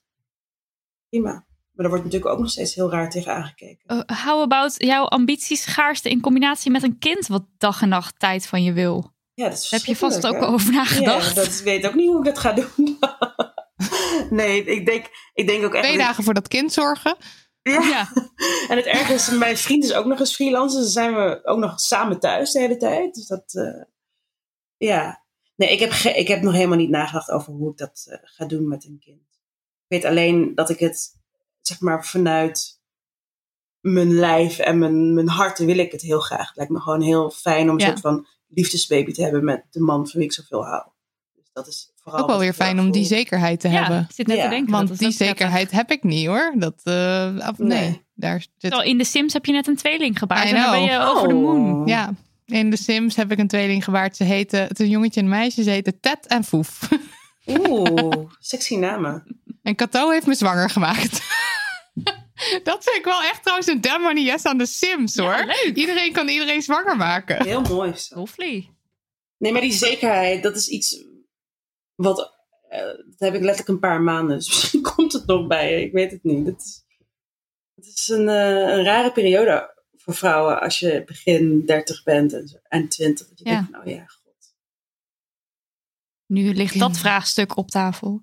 En heb je ook in je omgeving al veel mensen die dan, eh, dus bevrienden stellen of zo, die al een kind hebben? Dat je daar ook nog een Ja. van druk van voelt? Of is dat het niet echt? Oh ja, nou ja, die druk voel ik wel. Ik heb zeg maar een vriendinnengroep ehm, waarbij iedereen eh, kinderen heeft of zwanger is. En dan voel je wel zo'n soort licht druk van, oh ja, ik ben de laatste. Ik hoor er nu nog niet helemaal bij, want ik heb nog geen kind. Maar in, in Amsterdam heb ik vooral een hele diverse vriendengroep met, met homo's en, en lesbiennes. Die daar allemaal of iets soepeler mee zijn of er geen behoefte aan hebben. eh, waarbij het sowieso allemaal wat later gaande is. Ja. Dus dat is ook wel een fijne afwisseling of zo. Ik weet het niet. Je moet je natuurlijk helemaal niet laten beïnvloeden door mensen. Maar in, dat is alleen in ut- utopie gebeurt dat niet. Je wordt voortdurend beïnvloed door je vrienden. En waar zij zijn in het leven en waar zij staan. Dus ook bij mij. Ja, mensen, ambitie. Bah, ambitie Bah. schaarste. Ja, maar even over, maar bijvoorbeeld jouw ambitie met Damn Honey is wel een ambitie. Ja, of is wel iets waar je Het is een ambitie om, ja, om de wereld over te nemen zonder dat je daar daadwerkelijk veel tijd, moeite en aandacht in Het zou heerlijk zijn als ik het gewoon liggend. Nou, ik weet het niet zo goed. De reden waarom, ik het nu, waarom het nu lukt, is ook omdat jij er bent. Want anders was het niet gelukt hoor. Dan lag ik nu op de bank. Ja. Dus ik heb eh, de, de, de interne motivatie is er nog altijd niet. Ook al wil ik het wel of zo. Weet je wel? De, is dat iets raars om te Ja, zeggen? oké, maar stel ik zou nee, de volgende, volgende paar afleveringen niet kunnen, om wat voor reden dan ook. En dan zou ik zeggen van nou, misschien kan jij dan wel met een, iemand anders een keer het opnemen. Dan zou je dat toch wel doen, of niet? Ik kan me gewoon bijna niet voorstellen dat als ik nu weg zou gaan of zijn, dat jij dan zou zeggen, nou dan hoeft het van mij ook niet meer. Nou, Misschien nou, ook wel wel, ik weet, ik weet het niet hoor, Nidia. Misschien dat Oeh, ik, ik denk dat ik dus ook. Ja, ja ik, ik voel heel veel, denk ik ook wel verantwoordelijkheid ook naar jou toe dan Maar om het te toch doen. naar al, al onze honingballies thuis. Ja, ja, maar ik weet, ik weet serieus niet. Honingballies, ze houdt niet echt van jullie. I love jullie heel erg, maar ik weet wel echt niet zeker als jij weg zou gaan, hoe het verder zou gaan met Ja. Ik was ook niet van plan om weg te gaan hoor, maar... Gelukkig. Jouw boekje, je zegt geloof ik op de, op de achterflap van... het is niet mijn idee dat ik hier nou echt de wereld mee ga veranderen... maar ik hoop wel dat ik mensen een beetje uit hun normale denkpatronen trek. Ja. Nee, zeker inderdaad over het hele ambitie gebeuren. Ik denk dat het geen kwaad kan om af en toe een ander verhaal, zeg maar dan de status quo te laten horen. En daarmee wel mezelf heet het indekkend van oké, ik snap ook wel dat het geprivilegeerd is. En er zijn mensen die het, gewoon niet kunnen veroorloven. Maar weet je, als je het wel kan en die ruimte is er financieel en weet ik veel geestelijk, waarom niet? Waarom niet? Als, als je denkt dat je er gelukkiger van wordt om minder te werken of jezelf minder druk op te leggen op sociaal vlak en welk ander vlak dan ook, waarom niet gewoon eens proberen om dat toe te passen in je leven? We zijn dan zoveel bezig met mindfulness en headspace downloaden en zeg maar proberen te kalmeren in een drukke wereld, terwijl je ook kan proberen jezelf te onttrekken uit die drukke wereld. Een beetje Ja. dacht. Ja, het fuck it, het is jouw leven. Ja, het is echt, Ja. echt jouw leven en jouw comfort op één zetten is het fijnste wat je kan doen. Denk ik. Ja. Zonder mensen, Ja. andere mensen lastig te vallen natuurlijk. Pijn te doen of zo. Dat is niet de bedoeling. Maar gewoon echt voor jezelf is het. Ja, het, kan heel fijn zijn en eh, eye-opening misschien. Ja, als afsluiter wil ik nog wel even een klein stukje voorlezen. Een eh, stukje pleidooi uit je boek. Ja, leuk. Voel je niet schuldig omdat je niet wil werken, maar fulltime moeder wil zijn. Maar voel je ook niet te lang miserabel omdat je geen kinderen wilt. Voel je absoluut niet slecht als je nog maagd bent op je 34ste. En voel je ook zeker geen freak als je je eigenlijk nooit eenzaam voelt zonder vrienden. Voel je niet stom als je meer van je werk houdt dan van je familie. En voel je ook zeker niet beroerd als je een gezin wilt zonder mannelijke inmenging. Voel je niet kloten omdat je jong kinderen wilt, zodat je nog een lange carrière kunt najagen, zodat ze, zodra ze uit de strontlappen zijn. En voel je zeker niet slecht als je nu al weet dat je je op je 39ste gaat laten omscholen, omdat je werkelijk waar geen flauw idee hebt waar je het werk doet wat je nu doet. Waarom je het werk doet dat je nu doet. Voel je geen sukkel als je al stress, krijgt bij meer dan drie verplichtingen per week. En voel je zeker geen lul als het eerste woord waar je aan denkt als je jezelf zou moeten omschrijven traditioneel is. Het is gewoon een heerlijk pleidooi om te doen waar je zelf zin in hebt. Ja. En Dus lees het. ja, lees het. En dank dat jij eh, jouw kijk op de zaken met ons wilde delen. Inderdaad, een ander geluid. Leuk. En dat is denk ik heel eh, belangrijk om te horen. dankjewel.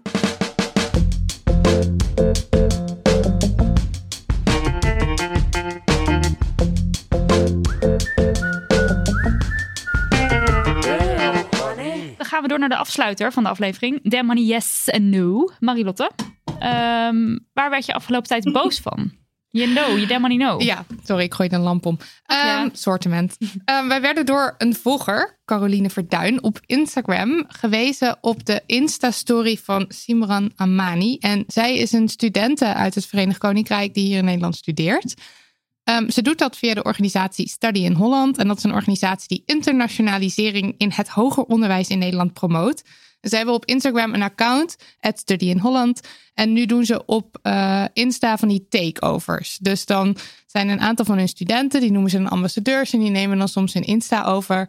En dan maken zij eh, stories. Eh, zij beantwoorden in de stories dan bijvoorbeeld vragen over studeren in Nederland. En wat, wat de huur is, zo gemiddeld voor een studentenkamer. En waar je korting krijgt als student. En nu gaat het dus ook wat eh, in de quarantaine allemaal doen en zo.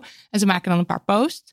En een van die ambassadeurs is Simon. En zij deed de afgelopen week zo'n takeover. En nadat ze die had afgerond, kreeg ze een mail van Studie in Holland. Waarin de organisatie aangaf dat ze niet zo blij waren met haar takeover. Wel met zeg maar de takeover zelf, maar niet met hoe ze eruit zag. Eh, ik, ik citeer even een stukje uit de mail, want ze heeft hem online gezet. Unfortunately, we were not really happy with two of your posts. Both in your live stories, I saw your bra and your cleavage, to be honest, and in one of your posts, where I did not see any clothing at Oh all. You were showing too much nudity. Dus zij werd, nou ja, verder eh, eventjes, dit vind ik al vreselijk, maar ze, dan staat er verder in die brief nog dat er al eerder opmerkingen gemaakt zijn over eh, hoe ze zich kleedt. En als ze dit nog een keer flikt, moeten ze helaas de samenwerking met haar cancelen. En dan eindigt het met: "Uh, Consider this the last official warning and we're looking forward to your next takeover. Wat ik heel gek vind. En deze maat, meid wordt dus aangesproken omdat je haar BH-bandje ziet in de stories. Maar ook omdat je dus te veel decolleté ziet. Ehm, en omdat ze op een van de eh, posts dus naakt zou zijn. En met naakt bedoel ik, die foto heeft ze ook online gezet. Dat is dus gewoon dat je haar schouder ziet en haar hoofd. En dat het lijkt alsof ze misschien geen kleren aan heeft. Maar dat is alleen maar omdat jij het zo ziet als je Ja. naar die foto kijkt. Dat is echt niet wat zij wil. Nou ja. Ehm, maar, beste studie in Holland, dit is slutshaming. Dit kan echt niet. Dit is vrouwen vertellen wat ze wel en niet kunnen doen met hun lijf. En het is ook nog eens zwaar overtrokken. Het is niet oké. En ik ben erg klaar met mensen en in dit geval bedrijven die gaan vertellen hoe je eruit moet zien. En dat je geen BH-bandje mag What zien. the fuck? Echt door mensen dragen BH's. Dat is zo. Het is warm. Dus je ziet die bandjes. Het, is, het slaat toch nergens op dat dat dan onmiddellijk als een soort seksueel ding wordt gezien ook. Echt bizar. Echt heel bizar. En dat zij, eh, dat, eh, ik bedoel, dat haar decolleté te zien is flikker een eind op. Dit, ik bedoel, het Dat zijn, zijn ook maar gewoon borsten. borsten. Ja. Ze kleedt zich gewoon normaal. En dat je dus een beetje rekening houdt met hoe je je kleedt, omdat je nu voor een bedrijf aan het story bent, dat snap ik. Maar je kan je gewoon kleden zoals je je kleedt. Het is niet zo dat zij naakt daar story stond te maken of zo. Dus heel erg raar. Kleine Dame Honey Yes is wel dat Simran een best wel fierce mail heeft teruggestuurd. Waarin ze Studie in Holland er ook fijntjes op heeft gewezen dat die takeover hartstikke vrijwillig is. Er En geen cent voor. krijgt er echt geen cent voor. Dit is gewoon puur vrijwilligerswerk. Eh, ik zal de link naar haar Heel post in de show notes zetten. Want het is wel echt eh, lekker om te lezen dat iemand zo even terugslaat. Maar oh my god, ik wil hier echt meer ophef over. Dit is zo ontzettend bizar. Ja. Sowieso, je hebt toch van die mensen die dan zeggen van... ik kan je BH zien. En dan? Die, ken je die opmerking? aan. Kan je BH zien? Ja, Ja. dus. Er is grof geld voor betaald. Ja, dank jij. Is heel mooi. Iedereen mag hem zien. Ja, inderdaad. Heel apart. Nou, ja, je ik heb ook wel demonia's zin niet. in een soort actie, maar... Ja, ja, ja, nou ja, maar ik hou er in de gaten, want ze is erg kwaad en I love it. Eh mijn yes. Yes is de inclusieve wenskaartenlijn van Lisa Slootman. Het heet de Inclusie Cards. En eh, ik ben zelf een fervent kaartjesverstuurder. Dat heb ik van mijn moeder. Die vindt het ook leuk. Ik, oh, overal waar mijn ouders heen gaan, krijg ik kaartjes. En nu ze nergens heen gaan, krijg ik ook nog steeds kaartjes. En mijn oma trouwens ook. Het is echt eh, een ding wat we in de familie doen. En ehm, het is me dus al een paar keer gebeurd dat ik een bepaald kaartje zocht, maar dat dat niet bleek te bestaan. Dus bijvoorbeeld een geboortekaartje dat je naar twee moeders wil sturen. ehm, dat bestaat dan bijvoorbeeld niet. En dan zijn er wel andere opties die je kan sturen. Bijvoorbeeld jee, een baby. Of eh, congrats to the happy couple voor een bruiloft. En dat er dan dus niet een plaatje bij staat van een wit mannetje en een wit vrouwtje. Maar goed, eh, ik kan me voorstellen dat het best wel stom is om jezelf nooit terug te zien op een wenskaart. Want het is ook gewoon onderdeel van cultuur, van, van, van hoe wij dingen zien. Ehm, nou, en Lisa die heeft dus besloten om een kaartenlijn te maken voor iedereen en voor elke situatie. Want los van dat er bijvoorbeeld niet eh, vaak kaartjes bestaan eh, met mensen van kleur erop of eh, met gay stellen, zijn er ook heel veel gebeurtenissen, feestelijke gebeurtenissen of gebeurtenissen waarbij het gewoon fijn is om even een extra steuntje in de rug te krijgen, waar helemaal geen kaartje voor te koop is. Dus bijvoorbeeld als je de knoop hebt doorgehakt om in therapie te gaan, wat een, een moeilijke stap kan zijn, een belangrijke stap kan zijn, dan is er niet een kaartje waar dan op staat van hey, tof, therapie, wat goed dat je Ja, dat dan gaat moet je doen. weer op zoek naar een soort van smaakvol, I neutraal wish you the best of zo. Of een ja. soort van soort algemenigheid. Dat bestaat natuurlijk wel. Maar goed, Ja, het zou ja, leuk zijn ja. als, het, als je wel zo'n specifiek kaartje kan sturen. Of bijvoorbeeld als iemand eindelijk die nieuwe rolstoel heeft, waarvoor die, eh, waarvoor die persoon al heel lang eh, op heeft moeten wachten. En terwijl die rolstoel voor veel meer bewegingsvrijheid gaat zorgen, dan is het natuurlijk heel leuk als je daar een kaartje voor kan sturen. En dat die kaarten nu niet bestaan, dat zegt misschien ook zoiets als: wij vinden het als maatschappij eigenlijk niet zo belangrijk. We zijn er niet mee bezig. Het hoeft niet gevierd te worden. We zien het gewoon niet als iets wat echt Ja. erkenning nodig heeft of zo. Ehm, nou, en de kaarten van Lisa, die geven die erkenning dus wel. Eh, inclusieve kaartjes met allemaal fijne, eh, leuke aanmoedigingen erop. En eh, eh, bijvoorbeeld ook gefeliciteerd met zoveel maanden dat je hormoontherapie doet. Of happy new titties. Gewoon echt alle kanten op. En het zijn allemaal verschillende illustratoren die ontwerpen hebben gemaakt. Dus ik denk ook qua stijl voor ieder wat wils. En je kunt de kaartjes alvast gaan bekijken op het Instagram-account @inclusiecards. En dat is dus cards op zijn Engels en dan inclusie eindigend op een i. En vanaf 6 juni, dus nog even twee weken wachten, kun je ze gaan bestellen in de webshop. Ehm, oh, en wat ik nu nog niet genoemd heb, ze is ook bezig met braille-kaarten. Want dat, Oh. dat is natuurlijk ook iets wat Ja. niet is. Nee. Ik heb het nog nooit gezien. Je kan het vast online misschien al ergens. Ik weet het Leuk. niet. Maar dat, ja, dat zie je ook nooit ergens. Dan kan Ja. je, ja, ach, nou, leuk. Ja, dus ehm, nou, ik, tegen die tijd zullen we ook zeker nog wel een keer even op Instagram of zo zetten. En Ja. ik denk ook, weet je, juist nu, stuur een kaartje. Juist nu, dat is natuurlijk de, de twee Juist woorden van nu, de coronaperiode. bizarre tijd. Toch zeg ik het weer even. Stuur een kaartje. Hartstikke leuk. Dit was aflevering 43. Carmen, keep up de minimale work. We houden ervan. Yes. Oh, lief. Ik ga weer even wat mensen van de Dermony Slack bedanken. Jonathan, Anna en Marieke die hielpen ons allemaal met het uitwerken van de transcript van afleveringen 41 en 42. Dank jullie wel. Wil je ook eens helpen? Join onze Slack via de show notes. Bedankt Daniel van de Poekie. Poppen bedoel ik. voor je editwerk. En dank Lucas de Gier voor onze jingles. En Lisbeth Smit, bedankt voor je gorge website. En jij bedankt, lieve luisteraar. Leuk dat je er weer bij was. Leuk ook dat je helemaal tot hier luistert. Wow, we love you. Je kunt ons post sturen via info.damhoney.nl. Vinden we leuk. Geld krijgen vinden we minstens zo leuk. Dat kan via petje.af slash damnhoney. Ja, help ons ook aan een twee, twee dagen werkweek bestaan. of laat ergens in de wijde wereld een recensie achter. Vinden we enig. Of doe het niet, zelf weten. Doei ballies. Dag kakkies. Doei. Doei. Nog even over die grootse en epische muziektheatervoorstelling. Het achtste leven voor Brilka is een marathonvoorstelling van 5 uur. Koop je tickets voor deze bijzondere theateravond via oostpol.nl.